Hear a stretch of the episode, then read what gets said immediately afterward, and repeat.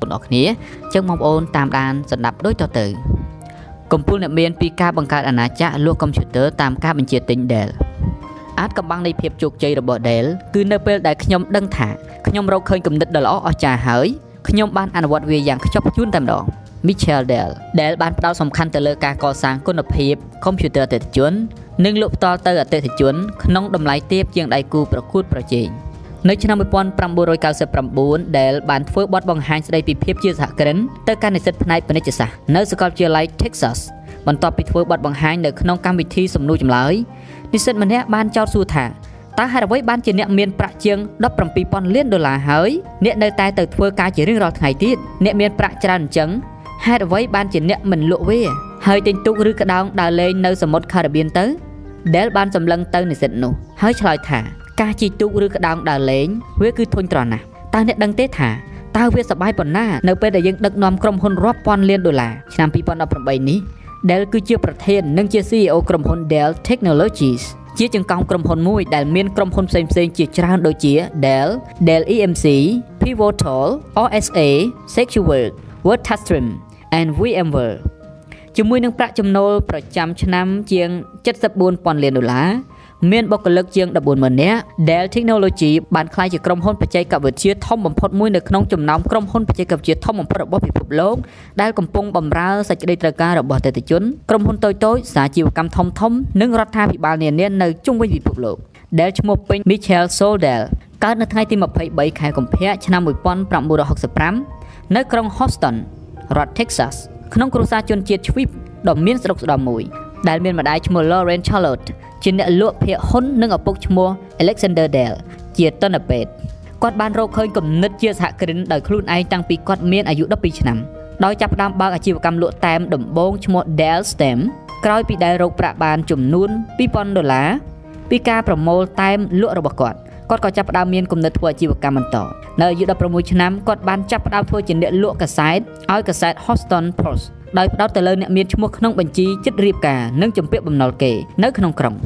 ដែលជឿថាការលក់កាសែតរបៀបនេះអាចនាំឲ្យគាត់ជួបអ្នកថ្មីនិងកន្លែងថ្មីដែលមិនទាន់បានជាវកាសែតនៅឡើយនៅត្រឹមចុងឆ្នាំដំបូងគាត់អាចរកប្រាក់បានជាង18000ដុល្លារខណៈគាត់កំពុងរៀននៅវិទ្យាល័យនៅឡើយពលគឺគាត់អាចរកប្រាក់បានលើសគ្រូបង្រៀនរបស់គាត់ ដែលកំពុងបង្រៀននៅទីនោះទៅទៀតនៅពេលមិនទាន់បញ្ចប់ការសិក្សាថ្នាក់វិទ្យាល័យផងគាត់បើកឡាន BMW ដែលជាឡានផ្ទាល់ខ្លួនរបស់គាត់ទៅហើយទោះបីជាជោគជ័យផ្នែកហិរញ្ញវត្ថុក៏ដោយតែគ្រូដំបូងរបស់របស់ Dell បានមើលឃើញគាត់ថាជាមនុស្សមិនសូវគោរពការសន្យានិងបានវិនិច្ឆ័យគាត់ថាជាមនុស្សទៅណាមិនឆ្ងាយទេនៅក្នុងមួយជីវិតរបស់គាត់គាត់បានចុះឈ្មោះចូលរៀននៅសាកលវិទ្យាល័យ Texas ផ្នែកជីវវិទ្យា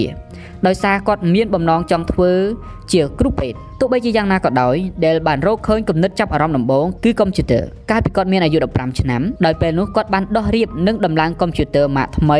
Apple II របស់គាត់តែវានៅមិនទាន់បានចាប់ផ្ដើមអ្វីទេរហូតតតែគាត់បានចូលរៀននៅសាកលវិទ្យាល័យទើបគាត់ចាប់អារម្មណ៍កុំព្យូទ័រនោះបានផុសឡើងមកម្ដងទៀតដល់កំពូលតែម្ដង នៅឆ្នាំ1984ដែលបានលើកឡើងគំនិតសាមញ្ញមួយប៉ុន្តែដាច់ខាតគឺបង្កើតកុំព្យូទ័រអតិថិជនហើយលក់ផ្ទាល់ទៅអតិថិជន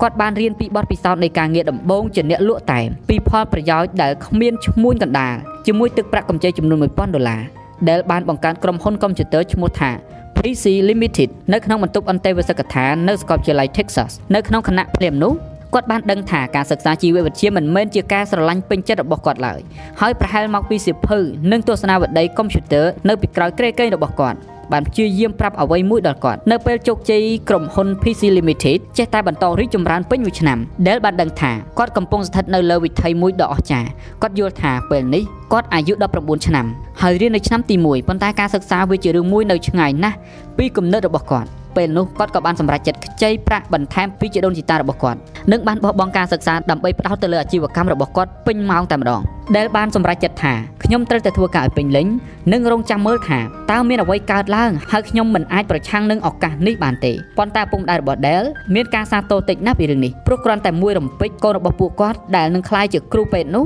បែរជាបោះបង់ការសិក្សានៅសាកលវិទ្យាល័យទៅវិញដើម្បីឲ្យឪពុកម្ដាយរបស់គាត់ស្ងប់ចិត្ត ដែលបានធ្វើការសន្យាជាមួយនឹងពួកគាត់ថាខ្ញុំនឹងចាប់ផ្ដើមធ្វើអាជីវកម្មពេញម៉ោងនៅខែឧសភា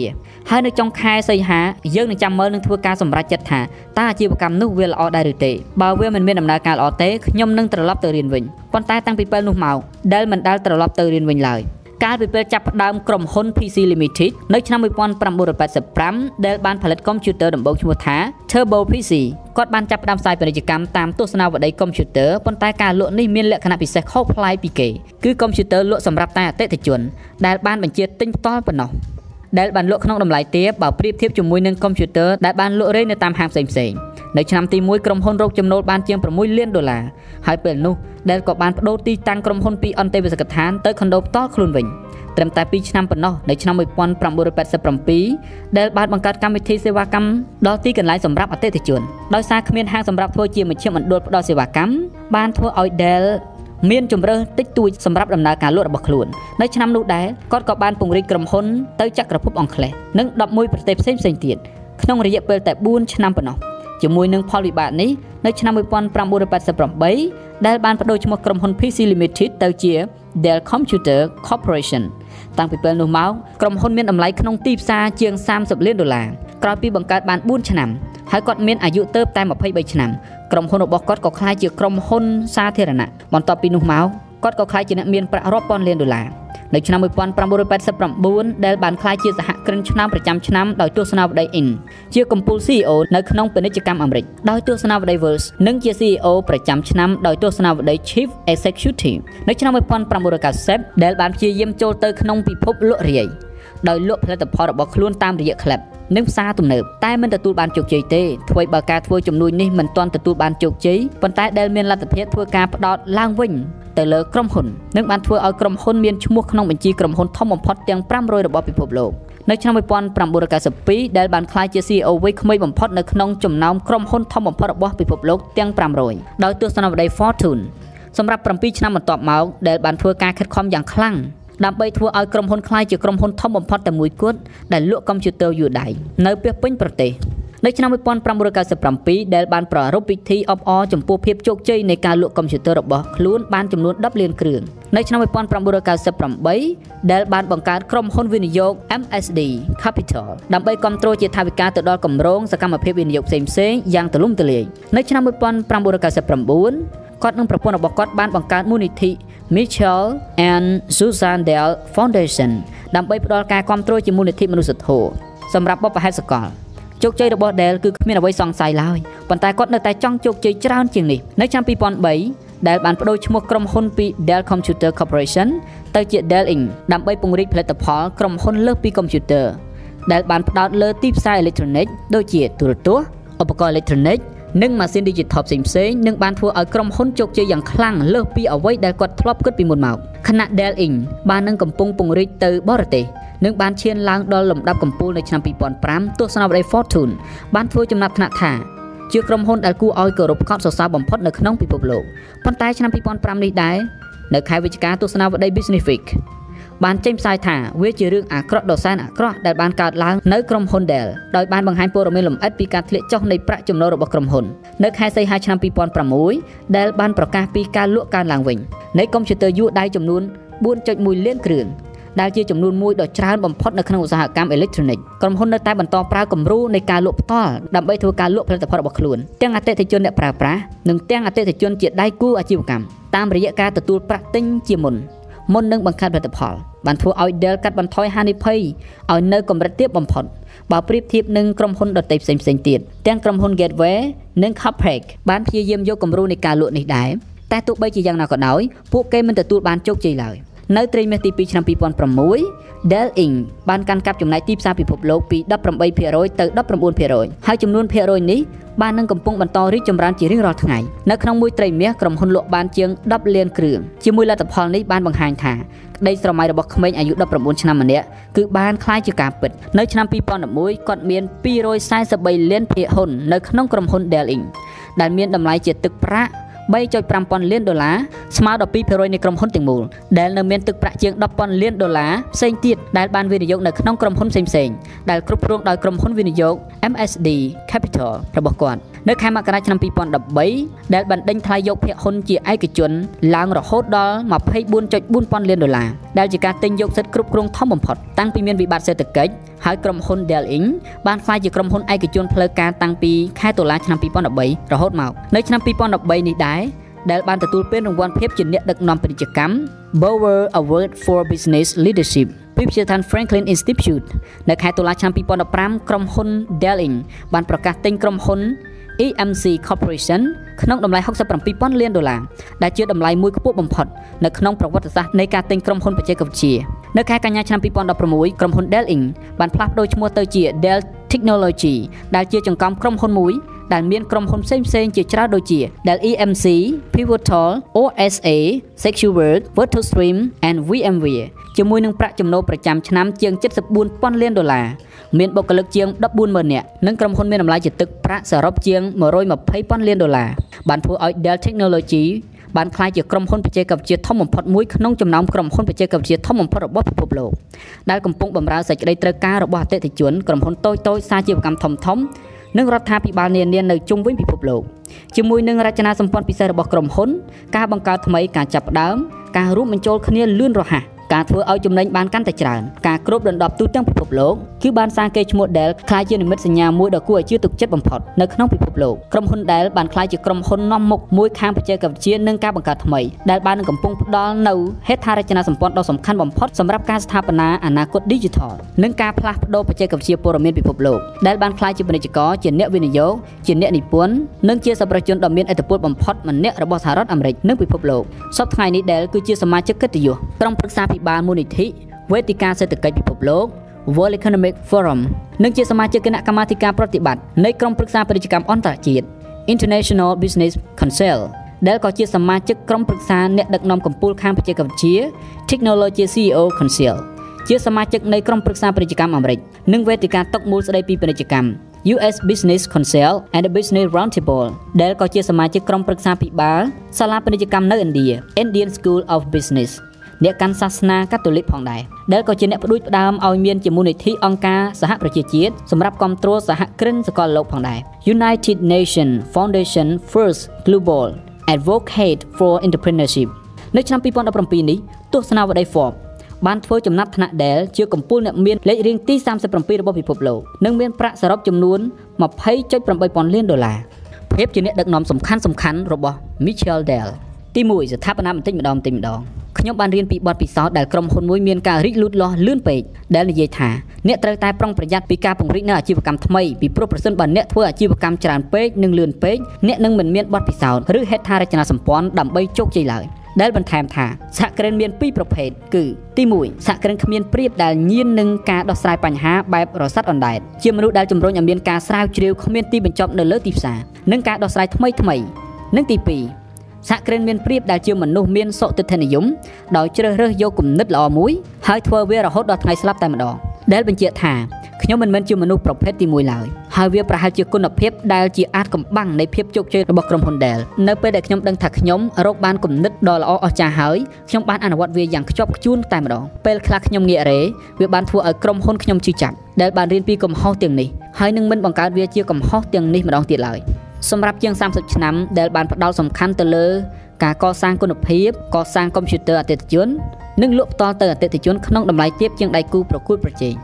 ការធ្វើដូច្នេះបានធ្វើឲ្យគាត់ល្បីល្បាញនិងមានអ្វីដែលពិសេសជាងគេនៅឆ្នាំ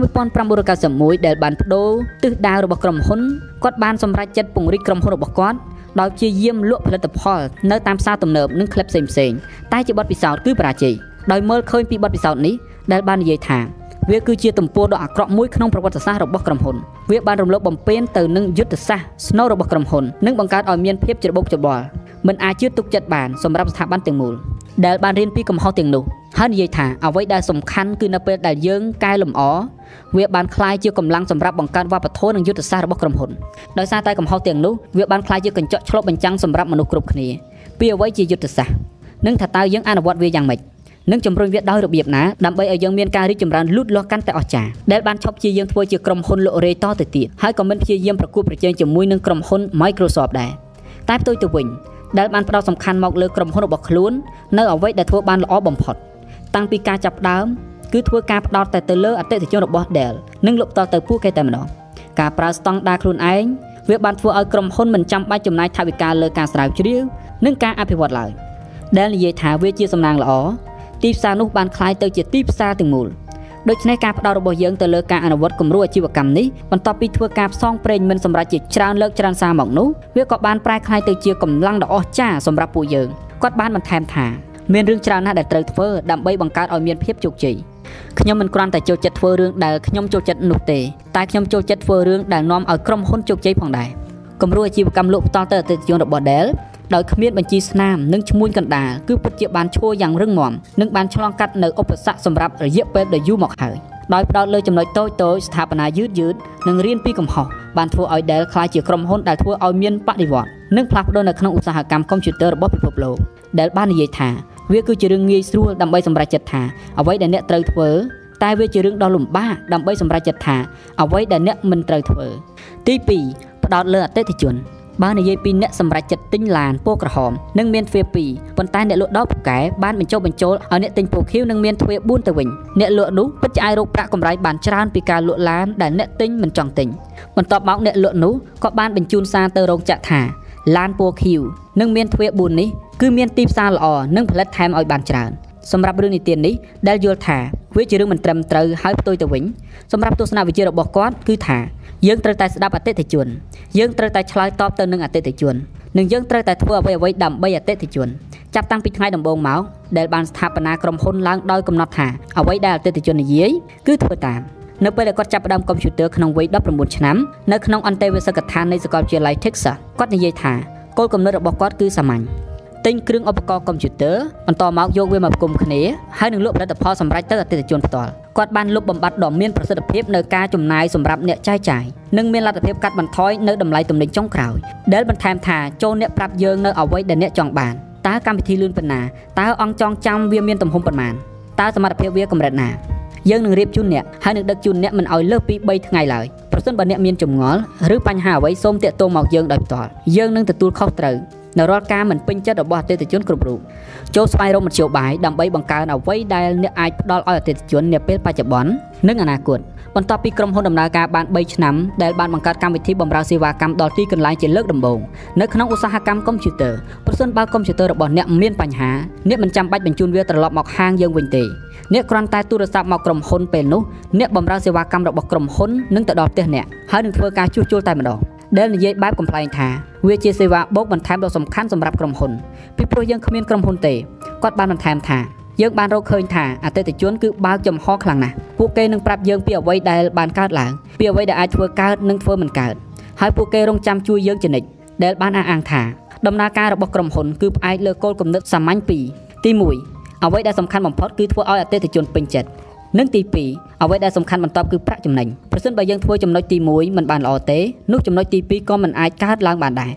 ដូច្នេះយើងត្រូវតែផ្ដោតទៅលើបញ្ហាដែលមានរបស់ក្រុមហ៊ុនដូចជាធ្វើឲ្យបានប្រសើរឡើងនៅពេលវេលាដឹកជញ្ជូនកាត់បន្ថយថ្លៃដើមនិងពង្រីកសេវាថែរក្សាអតិថិជនដែលជឿលើសារៈសំខាន់នៃការបូកបន្ថែមតម្លៃលើសពីអ្វីដែលខ្លួនមាននិងថែរក្សាបទពិសោធន៍ទាំងមូលរបស់អតិថិជនគាត់តែងតែចងភ្ជាប់ក្រុមហ៊ុនរបស់គាត់ជាមួយនឹងក្រុមហ៊ុនដៃគូដើម្បីបំពេញបន្ថែមនិងបង្កើនប្រសិទ្ធភាពគាត់បាននិយាយថាយើងគឺសុទ្ធតែជាអំណោយដែលអាចផ្ដល់ឲ្យគ្នាទៅវិញទៅមកហើយការរីកចម្រើនរបស់ខ្ញុំក្នុងនាមជាអ្នកដឹកនាំម្នាក់ គឺបានបង្ហាញយ៉ាងច្បាស់ថាបទពិសោធន៍នៃភាពជោគជ័យភាគច្រើនបំផុតគឺបានមកពីការទំនាក់ទំនងរបស់ខ្ញុំកិច្ចសហការគឺស្មើនឹងការបង្កើតថ្មីសពថ្ងៃនេះ Dell បង្កើតតែកុំព្យូទ័រសម្រាប់ឆ្លើយតបទៅនឹងការបញ្ជាទិញរបស់អ្នកប្រើប្រាស់ប៉ុណ្ណោះតាមរយៈទូរស័ព្ទនិងអ៊ីនធឺណិតការបញ្ជាទិញរបស់អ្នកប្រើប្រាស់គឺអាចធ្វើឲ្យក្រុមហ៊ុនកាត់បន្ថយបាននៅហានិភ័យពីការព្យាយាមព្យាករពីតម្រូវការទីផ្សារនៅក្នុងឧស្សាហកម្មកុំព្យូទ័រដែលមានការប្រែប្រួលយ៉ាងខ្លាំងក្លានិងគ្មាននរណាអាចព្យាករបាន។ ដោយសារតែ Dell បង្កើតផលិតផលតាមតែការបញ្ជាទិញរបស់អតិថិជនគឺអាចធ្វើឲ្យក្រុមហ៊ុនមានលទ្ធភាពផ្ដល់សេវាបម្រើអតិថិជនដោយគ្មានការប្រកួតប្រជែងការផ្ដល់អត្ថប្រយោជន៍ទៅលើអតិថិជនដែលបានទទួលផលតបស្នងមកវិញនៅការរីកចម្រើនអាជីវកម្មនិងភាពស្មោះត្រង់ដែលនិយាយថាខ្ញុំតែងតែធ្វើអាជីវកម្មដោយផ្អែកលើអ្វីដែលអតិថិជនចង់បានពិតប្រាកដជាជាងស្មានលើអ្វីដែលពួកគេចង់ទី3ស្ថាបនាភាពជាម្ចាស់នៅក្នុងក្រុមហ៊ុនរឿងមួយដែលសំខាន់គឺបង្កើតវប្បធម៌ការងារឲ្យបានល្អ ហើយរឿងកាន់តែសំខាន់ជាងនេះទៅទៀតគឺការប្រើប្រាស់វប្បធម៌នោះដើម្បីបង្កើតផលប្រយោជន៍ជាយុទ្ធសាស្ត្រដែលអាចវាស់វែងបានដែលនិយាយថាដើម្បីសម្រេចរឿងទាំងនេះ អ្នកចាំបាច់ត្រូវតែបង្កើតឲ្យមានការវិនិយោគផ្ទាល់ខ្លួនរបស់បុគ្គលិកម្នាក់ៗដែលសរុបជារួមគឺការទទួលខុសត្រូវគណនេយ្យភាពនិងការចែករំលែកភាពជោគជ័យចំណែកដ៏ធំនៃភាពជោគជ័យរបស់ Dell គឺជាលទ្ធភាពនៃការបង្កើតក្រុមការងារនៅពីក្រោយគាត់ដែលគ្រប់គ្នាហ៊ានធ្វើអ្វីៗគ្រប់យ៉ាងដើម្បីក្រុមហ៊ុនគាត់និយាយថាបង្កើតវប្បធម៌មួយដែលមនុស្សគ្រប់គ្នានៅគ្រប់កម្រិតនៅក្នុងស្ថាប័នគិតនឹងធ្វើដូចជាម្ចាស់នឹងមានន័យថាអ្នកចាំបាច់ត្រូវតែមានឆន្ទៈភ្ជាប់ការប្រតិបត្តិរបស់បុគ្គលម្នាក់ម្នាក់ជាមួយនឹងគោលដៅដ៏សំខាន់បំផុតរបស់ក្រុមហ៊ុនសម្រាប់ Dell មានន័យថាគឺប្រើប្រាស់វិធាននៃការវាស់វែងជាក់លាក់ទៅលើដំណើរការរីកចម្រើនរបស់ក្រុមហ៊ុនទាំងមូលនិងឆ្ពោះទៅគោលដៅនៃការបង្កើតបទពិសោធន៍ដ៏ល្អបំផុតសម្រាប់អតិថិជនហើយនឹងពង្រីកគុណតម្លៃសម្រាប់ម្ចាស់ភាគហ៊ុនបន្ទាប់មកយកវិធានការទាំងនោះមកអនុវត្តនិងការប្រតិបត្តិដោយបុគ្គលិកគ្រប់គ្នា Dell និយាយថាក្រុមហ៊ុនមួយដែលមានមនុស្សគ្រប់គ្នាជាម្ចាស់គឺផ្ដោតតិចតួចទៅលើឋានានុក្រមនិងការិយាល័យល្អសម្រាប់ធ្វើការ ពួកគេនឹងផ្ដោតច្រើនទៅលើឆន្ទៈដើម្បីសម្រេចគោលដៅរបស់ក្រុមហ៊ុនហើយនៅក្រុមហ៊ុន Dell មនុស្សគ្រប់គ្នាគឺជាម្ចាស់កុំខ្វល់នឹងមនុស្សដែលប្រាប់អ្នកថាវាមិនអាចទៅរួចទេតែជួលមនុស្សដែលអោបក្រសពចាក់ខុសវិស័យរបស់អ្នកដែលគឺមិនមែនជាមនុស្សម្នាក់ដែលធ្វើការគ្រប់គ្រងលើគ្រប់ភារកិច្ចនោះទេគាត់ជឿជាក់ទៅលើការជួលមនុស្សដែលមានទេពកោសល្យផ្ដល់ឲ្យពួកគេនៅការទទួលខុសត្រូវសំខាន់សំខាន់ និងទុកឲ្យពួកគេអនុវត្តដោយខ្លួនឯងដោយមានការទទួលខុសត្រូវមានគណនេយ្យភាពក៏ដូចជាមានការចែករំលែកជោគជ័យដែលរក្សាការបើកចំហឲ្យមានកិច្ចសន្ទនាឲ្យបានច្រើនរវាងអ្នកគ្រប់គ្រងនិងបុគ្គលិកដើម្បីជំរុញឲ្យមានលំហនៃការគិតដោយសេរីនិងកិច្ចសហប្រតិបត្តិការកាន់តែល្អប្រសើរដែលមិនជឿតតែសោះទៅលើដំណើរអាជីវកម្មមួយដែលមានភាពតឹងរឹងខ្លាំងពេកហើយគាត់លើកទឹកចិត្តឲ្យក្រុមហ៊ុនរបស់គាត់ រក្សាភាពមានប្រតិកម្មជាមួយនឹងឋានានុក្រមសមរភូមិមួយនៅក្នុងចំណោមសមរភូមិនៃក្រុមហ៊ុនបច្ចេកវិទ្យាទំនើបទំនើបគឺអ្នកស្រាវជ្រាវនិងអភិវឌ្ឍនិងអ្នកផលិតអ្នកស្រាវជ្រាវនិងអភិវឌ្ឍបង្កើតផលិតផលហើយនិយាយថាល្អធ្វើវាទៅចំណែកអ្នកផលិតវិញឃើញហើយនិយាយថាតើមានអ្វីដែលយើងត្រូវធ្វើជាមួយផលិតផលមួយនេះដែលអ្នកគ្រប់គ្រងអ្នកស្រាវជ្រាវនិងអភិវឌ្ឍនិងអ្នកផលិតទាំងអស់ត្រូវរាយការណ៍ឲ្យគ្នានិងធានាធ្វើឲ្យប្រកាសថា ផ្នែកម្ខាងម្ខាងត្រូវមើលឃើញបញ្ហានិងការលំបាកគ្នាទៅវិញទៅមកពួកគេត្រូវតែយោគយល់គ្នានិងធ្វើការរួមគ្នាជាក្រុមដែលតែងតែចុះទៅពិនិត្យរោងចក្រនៅជុំវិញពិភពលោកនិងបានចុះទៅដល់ខ្សែសង្វាក់ផលិតកម្មហើយនឹងជជែកជាមួយកម្មករដោយផ្ទាល់ឬក៏ផ្ដល់ជានីតិសំណួរនិងចម្លើយជាមួយនឹងបុគ្គលិកទាំងនោះដែលជឿថាទូនាទីរបស់គាត់ក្នុងនាមជាប្រធានក្រុមហ៊ុនគឺបង្កើតក្រុមការងារមួយដែលខ្លាំងតាមរយៈការផ្ដល់នូវសេរីភាព និងភាពក្លាហានដល់ពួកគេឲ្យហ៊ានទទួលយកហានិភ័យផ្សេងៗ គាត់និយាយថាខ្ញុំបានរៀនពីជីវិតដំបងដំបងពាក់ព័ន្ធនឹងខ្លួនឯងជាមួយនឹងមនុស្សដែលមានទេពកោសល្យដែលបានបដិញ្ញាធ្វើអ្វីដែលត្រឹមត្រូវផ្ដល់នូវគំនិតថ្មីថ្មីនិងបន្តធ្វើឥតឈប់ឈរដើម្បីភាពល្អប្រសើរចូលអនុញ្ញាតឲ្យមនុស្សទាំងនោះបន្តធ្វើវាឲ្យคล้ายជាអ្វីមួយហើយក្នុងនាមអ្នកជាប្រធានក្រុមហ៊ុនចូលកុំធ្វើជាមនុស្សឆ្លាតជាងគេនៅក្នុងស្ថាប័នឲ្យសោះប្រសិនបើអ្នកឆ្លាតជាងគេអ្នកគួរតែស្វែងរកអ្នកដែលឆ្លាតជាងអ្នកឬទៅរកនៅកន្លែងផ្សេងអស់រយៈពេលជាច្រើនឆ្នាំមកហើយដែលត្រូវបានគេសួរឥតឈប់ឈរថា តើនៅពេលណាគាត់លាឈប់ពីការងារនិងផ្ដល់ឲ្យអ្នកដទៃដឹកនាំក្រុមហ៊ុនម្ដងដែលបានឆ្លើយថាជាការពិតគឺមានអ្នកផ្សេងបានជួយដឹកនាំក្រុមហ៊ុនអស់រយៈពេលជាយូរមកហើយគាត់និយាយថាកំហុសដ៏ធំបំផុតដែលអ្នកដឹកនាំបានបង្កើតគឺគិតថាគាត់អាចធ្វើអ្វីៗបានទាំងអស់ដោយខ្លួនឯងគំនិតដែលអាចคล้ายជាអ្វីៗគ្រប់យ៉ាងចំពោះមនុស្សគ្រប់គ្រប់គ្នាគឺជារឿងពីអតីតកាល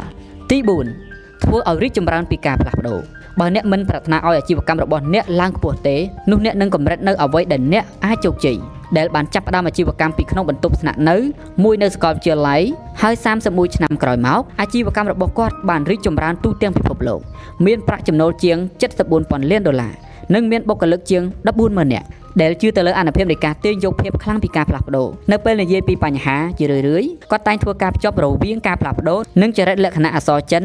នៅពាក្យវិបត្តិមានន័យថា គ្រោះថ្នាក់និងឱកាសគាត់បង្កើតឲ្យមានវប្បធម៌ចាប់ផ្ដើមជានិច្ច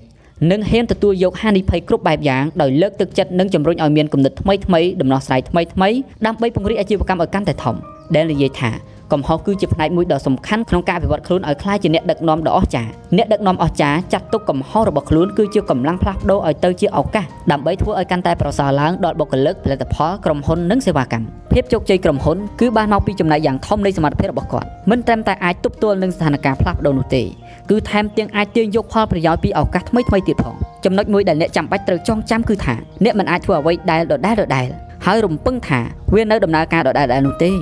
គំរូនិងវប្បធម៌របស់ Dell គឺមានសុខទិនិយមចំពោះការផ្លាស់ប្ដូរនិងធ្វើឲ្យរីកចម្រើនពីការផ្លាស់ប្ដូរ Dell និយាយថាប្រសិនបើក្រុមហ៊ុនរបស់គាត់មិនអាចជំនះនឹងការផ្លាស់ប្ដូរនោះក្រុមហ៊ុននឹងដួលរលំតាំងពីយូរយារណាស់មកហើយយើងត្រូវតែជ្រមុជក្បាលទៅនឹងការផ្លាស់ប្ដូរអ្វីដែលយើងធ្លាប់ដឹងនិងអ្វីដែលជាថ្ងៃនេះវាសុទ្ធតែចាំបាច់ធ្វើឲ្យរីកចម្រើនពីការផ្លាស់ប្ដូរយើងត្រូវតែយល់ពីវារីកចម្រើនជាមួយនឹងវា និងទាញយកភាពខ្លាំងពីវាហើយយើងគ្មានមធ្យោបាយណាផ្សេងទៀតឡើយ នៅឆ្នាំ1994ដែលបានដើរតួនាទីដ៏សំខាន់នៅក្នុងឧស្សាហកម្មកុំព្យូទ័រក្រុមហ៊ុនរបស់គាត់មានដំណើរការយ៉ាងល្អនិងកេរ្តិ៍ឈ្មោះរីកសុសសាយយ៉ាងឆាប់រហ័សតែគាត់ដឹងថានឹងមានអ្វីមួយដ៏ធំមករាំងស្ទះដល់ឧស្សាហកម្មនេះក្នុងរយៈពេលដ៏ខ្លីខាងមុខអ៊ីនធឺណិតនឹងបង្កើតបដិវត្តយ៉ាងឆាប់រហ័សនៅក្នុងឧស្សាហកម្មកុំព្យូទ័រទាំងមូលជំនួសឲ្យការអង្គុយរងចាំមើលនិងព្យាយាមបដិសេធនៅអ្វីដែលនឹងកើតឡើងដែលបានសម្រេចចិត្តថានឹងចូលរួមនៅក្នុងការធ្វើបដិវត្តនេះគាត់និយាយថាអ៊ីនធឺណិតនឹងមានអនុភាពខ្លាំង ហើយយើងចាំបាច់ត្រូវតែយកឈ្នះវាឲ្យបានក្រុមហ៊ុនរបស់គាត់បានសម្ពោធគេហទំព័រផ្ទាល់ខ្លួនដែលសពថ្ងៃនេះវាតំណាងឲ្យកម្លាំងអាជីវកម្មមួយដ៏ធំបំផុតនៅក្នុងចំណោមកម្លាំងអ៊ីនធឺណិតដ៏ធំបំផុតរបស់ពិភពលោកគេហទំព័រ Dell.com រកប្រាក់ចំណូលបានស្ទើរតែ50%នៃចំណូលរបស់ក្រុមហ៊ុនហើយអាចធ្វើការទំនាក់ទំនងជាង18ភាសានៅពាសពេញពិភពលោកដែលមិនត្រឹមតែដឹងពីការផ្លាស់ប្ដូរដែលត្រូវតែទទួលយកប៉ុណ្ណោះទេប៉ុន្តែគាត់ថែមទាំងមានឆន្ទៈសម្របនឹងការផ្លាស់ប្ដូរ ធ្វើដំណើរជាមួយនឹងការផ្លាស់ប្ដូរនិងធ្វើឲ្យក្រុមហ៊ុនរបស់គាត់មានលទ្ធភាពឈានឡើងដល់ចំណុចកំពូលដោយសារការផ្លាស់ប្ដូរផងដែរយើងត្រូវតែប្រើវិចារណញ្ញាណឬញាណរបស់យើងនៅក្នុងអាជីវកម្មមានបញ្ញត្តិច្រើនណាស់ដែលមានការប្រែប្រួលយ៉ាងឆាប់រហ័សប្រសិនបើយើងរងចាំរហូតដល់មានព័ត៌មានគ្រប់គ្រាន់និងមានទិន្នន័យត្រឹមត្រូវគឺយើងនឹងយឺតពេលហើយដែលមានឆន្ទៈក្នុងការធ្វើអ្វីមួយតាមការយល់ឃើញរបស់ខ្លួននិងហ៊ានធ្វើអ្វីដែលមានហានិភ័យដើម្បីធ្វើឲ្យមានការផ្លាស់ប្ដូរស្ថានភាពល្អប្រសើរគាត់និយាយថា ការសម្រេចចិត្តខ្លះយើងត្រូវតែធ្វើការសម្រេចចិត្តជាមួយនឹងព័ត៌មានដែលបានកំណត់យើងត្រូវតែធ្វើការសម្រេចចិត្តជាមួយនឹងអ្វីដែលគិតថាត្រឹមត្រូវបន្ទាប់មកទើបយើងធ្វើការកែសម្រួលវាជាក្រោយដែលយល់ថាការសម្រេចចិត្តគឺជាការប្រមូលផ្ដុំនៅទិន្នន័យដែលយើងមានបូកជាមួយនឹងការយល់ឃើញរបស់ខ្លួនយើងនិងការត្រួតពិនិត្យទៅលើទស្សនវិជ្ជានៃការប្រកួតប្រជែងជាក់ស្ដែងដែលបានក្លាយជាអ្នកជំនាញក្នុងការធ្វើអ្វីមួយសម្រាប់ស្ថានភាពបត់បែននៅពេលខាងមុខគាត់បានប្រដូចសមត្ថភាពរបស់គាត់ដែលអាចធ្វើឲ្យក្រុមហ៊ុនអាចឈរនៅលំដាប់កំពូលនៃការផ្លាស់ប្ដូរបាន គឺដូចគ្នាទៅនឹងការលេងល្បែងវាយកូនហ្គោលនៅលើទឹកកកអ្នកជោគជ័យគឺជាអ្នកវាយកូនហ្គោលឆ្ពោះទៅរកអ្វីដែលអ្នកចង់បានមិនមែនជាអ្នកវាយកូនហ្គោលទៅតាមអ្វីដែលអ្នកមាននោះទេដែលនិយាយថានៅពេលគូប្រកួតប្រជែងរបស់យើងខំធ្វើការផ្លាស់ប្ដូរមកដល់កន្លែងយើងពេលនោះយើងនឹងទៅដល់កន្លែងមួយផ្សេងទៀតមិនខានការប្រកួតប្រជែងគឺវាមិនមែនជារឿងជោគជ័យលើគូប្រកួតប្រជែងទេតែវាគឺជារឿងជោគជ័យនៃការប្រកួតប្រជែងជាមួយនឹងសក្តានុពលខ្លួនឯងដើម្បីសម្រេចបាននូវអ្វីអ្វីដែលអ្នកអាចធ្វើបាននៅក្នុងជីវិតទី5 គិតដោយខ្លួនឯងរឿងដំបូងបំផុតដែលអ្នកគួរធ្វើគឺបោះចោលនៅផែនទីដែលអ្នកធ្លាប់មាននិងចាប់ផ្ដើមគូសផែនទីដោយខ្លួនឯងដែលនិយាយថាអ្វីដែលក្រុមហ៊ុនយើងមានគឺវាកើតមកពីការចង់ដឹងចង់ឃើញនិងការស្វែងរកឱកាសនៅក្នុងមធ្យោបាយថ្មីថ្មីដែលយើងតែងតែធ្វើសម្រាប់ផ្លូវដើររបស់យើងគ្មានកម្លាំងជំរុញឲ្យជោគជ័យណាមួយល្អប្រសើរជាងការចង់ចេះចង់ដឹងនោះទេដែលគឺមិនមែនជាអ្នកបង្កើតកុំព្យូទ័រយូដៃគាត់មិនមែនជាអ្នកបង្កើតអ៊ីនធឺណិតហើយគាត់ក៏មិនមែនជាអ្នកបង្កើតគោលគំនិតលក់ផ្ទាល់ទៅអតិថិជនដែរប៉ុន្តែ គាត់និយាយថាវាតែងតែមានឱកាសដើម្បីបង្កើតអ្វីមួយថ្មីវាតែងតែមានឱកាសធ្វើអ្វីមួយឲ្យប្រសើរជាងមុនដូចជាការលុបបំបាត់ជំហានដែលមិនចាំបាច់ឬមើលឃើញអ្វីមួយនៅក្នុងពលិថ្មីវាគឺជាការគិតឲ្យលើសពីអ្វីដែលធ្លាប់គិតគិតដោយខ្លួនឯងនិងជាលើមធ្យោបាយថ្មីថ្មីនៃការធ្វើអ្វីមួយដែលនាំឲ្យ Dell អាចទទួលបានជោគជ័យដែលនិយាយថានៅពេលដែលក្រុមហ៊ុនចាប់ផ្ដើមវាមិនមែនចេញមកពីគំរូថាតើធ្វើម៉េចដើម្បីក្លាយជាលេខ1នៅក្នុងពិភពលោកនោះទេយើងបានគិតគ្រប់ជំហាននៃមធ្យោបាយដែលអ្នកជំនាញបាននិយាយថា ផលិតផលថ្មីថ្មីនិងទីផ្សារថ្មីថ្មីរបស់យើងគឺនឹងបរាជ័យមានមនុស្សជាច្រើនដែលធ្លាប់បានធ្វើ model ប៉ុន្តែគ្មាននរណាម្នាក់ធ្វើពិតប្រកបដូចគាត់ឡើយដែលនិយាយថាយើងអាចឈូគៀកស្មើជាមួយនឹងក្រុមហ៊ុនយក្សដែលធ្វើមុនយើងនឹងមើលឲ្យឃើញឆ្ងាយបន្តិចហើយពេលមានឱកាសយើងនឹងធ្វើកិច្ចការដ៏សំខាន់ដើម្បីសម្រេចរឿងធំធំជាមួយនឹងគំនិតថ្មីថ្មីដែលយើងបានកំណត់រួចហើយមានមនុស្សជាច្រើនបាននិយាយទៅកាន់ដែលឲ្យត្រឡប់ទៅរៀនវិញហើយទុកពិភពអាជីវកម្មនេះឲ្យទៅមនុស្សខ្លាំងពូកែដែលនិយាយថា កាលពីប្រហែលឆ្នាំមុននេះនៅពេលដែលយើងប្រកាសពីផែនការស្ថាបនាកុំព្យូទ័រមានអានុភាពខ្លាំងបំផុតយើងមានអ្នកប្រឆាំងជំទាស់យ៉ាងច្រើនហើយដោយសាររឿងនេះយើងបានអភិវឌ្ឍខ្លួនយើងឲ្យក្លាយជាអ្នកដឹកនាំនៅក្នុងឧស្សាហកម្មកុំព្យូទ័រពិភពលោកនិងបន្តបង្កើនកម្លាំងសន្ទុះរីកចម្រើនឥតឈប់ឈរយើងតែងតែធ្វើអ្វីដោយខ្លួនឯងដោយមិនពឹងលើគំនិតរបស់អ្នកជំនាញឡើយតាមរយៈមេរៀនទាំងនេះដែលនិយាយថាចូលជឿលើអ្វីដែលអ្នកធ្វើដោយកុំខ្វល់ថាមានរឿងអ្វីកើតឡើង ឬមាននរណាមិនទិលសង្ស័យពីអ្នកឡើយប្រសិនបើអ្នកទទួលបានគំនិតដ៏ល្អអស្ចារ្យអ្នកត្រូវកុំខ្វល់ពីមនុស្សដែលប្រាប់អ្នកថា ធ្វើមិនកើតទេចូលជ្រើសរើសមនុស្សដែលស្របនឹងគ្រប់គ្រងទស្សនវិស័យរបស់អ្នកអ្នកត្រូវតែជឿលើចំណេះនិងជំនាញដែលអ្នកមានហើយអ្នកមិនត្រូវរស់នឹងការសោកស្ដាយដោយគ្មានសកម្មភាពឡើយសម្រាប់ដែលអ្វីអ្វីទាំងអស់គឺដើម្បីជោគជ័យហើយវាជារឿងត្រឹមត្រូវក្នុងការធ្វើអ្វីអ្វីដើម្បីជោគជ័យប៉ុន្តែគាត់មិននិយាយអំពីធ្វើម៉េចរកប្រាក់ឲ្យបានច្រើនឬចំណេញច្រើនសម្រាប់ទីផ្សារភាគហ៊ុនរបស់គាត់នោះទេភាពជោគជ័យរបស់ Dell គឺនិយាយអំពីការប្រើប្រាស់សក្តានុពលផ្ទាល់ខ្លួនដើម្បីពង្រីកនៅអ្វីដែលអាចធ្វើបានជាអតិបរមា Dell និយាយថា ខ្ញុំនិយាយអំពីជំនឿលើខ្លួនឯងដើម្បីក្លាយជាគណនេយ្យករល្អបំផុតជាវិស្វករល្អបំផុតឬជាគ្រូបង្រៀនល្អបំផុតដែលអាចធ្វើបានខ្ញុំមិននិយាយអំពីការវាស់វែងភាពជោគជ័យរបស់ខ្លួនភាពជោគជ័យរបស់អ្នកដទៃទេពីព្រោះវាជាការកម្រិតភាពជោគជ័យសម្រាប់ខ្លួនឯងទៀតពេកមធ្យោបាយតែមួយគត់ដើម្បីជោគជ័យគឺធ្វើតាមវិចារណញ្ញាណឬញាណខ្លួនឯងអ្នកមិនចាំបាច់មានទេពកោសល្យ មានទស្សនវិស័យឬក៏មានសញ្ញាបត្រសាកលវិទ្យាល័យដើម្បីក្លាយជាមនុស្សជោគជ័យនោះទេអ្វីដែលអ្នកត្រូវមានគឺក្តីសុបិននិងផែនការសកម្មភាពដែលនិយាយថាមិនថាការធ្វើបដិវត្តឬការវិវត្តទេវាតែងតែមានមធ្យោបាយដ៏ល្អប្រសើរសម្រាប់បង្កើតកុំព្យូទ័រឬបង្កើតអ្វីផ្សេងទៀតដោយគ្រាន់តែគោរពនៅគោលការណ៍4យ៉ាងគឺទី1រៀនតាមការយល់របស់អ្នកទី2រៀនពីសៀវភៅទី3រៀនពីអ៊ីនធឺណិតនិងទី4រៀនពីមនុស្សផ្សេងៗដែលបន្ថែមថាចូលធ្វើការកត់សម្គាល់នៅអ្វីដែលជាវិបត្តិ និងអ្វីជាឱកាសហើយបន្ទាប់មកកសាងទស្សនវិស័យមួយដែលអាចធ្វើវាឲ្យល្អប្រសើរឡើងនិងធ្វើវាឲ្យដូចជាអ្នកកំពុងរស់នៅក្នុងឋាននរកហើយត្រូវតែធ្វើវាឲ្យតតែបានពីមួយថ្ងៃទៅមួយថ្ងៃអ្នកត្រូវតែឆ្ពោះទៅរកក្តីសុបិនរបស់អ្នកដោយគ្មានការសម្របសម្រួលណាមួយឡើយពេលនោះអ្នកនឹងជោគជ័យមិនខានមធ្យោបាយតែមួយគត់ដើម្បីជោគជ័យគឺធ្វើតាមវិចារណញ្ញាណរបស់ខ្លួន Michel Dell ភាពជោគជ័យរបស់ Dell គឺនិយាយអំពីការប្រើប្រាស់សក្តានុពលផ្ទាល់ខ្លួនដើម្បីពង្រីកនៅអ្វីដែលអាចធ្វើបានជាអតិបរមា Michel Dell ជីវប្រវត្តិនិងភាពជាអ្នកដឹកនាំរបស់ Michel Dell ជាប់តែប៉ុណ្ណេះ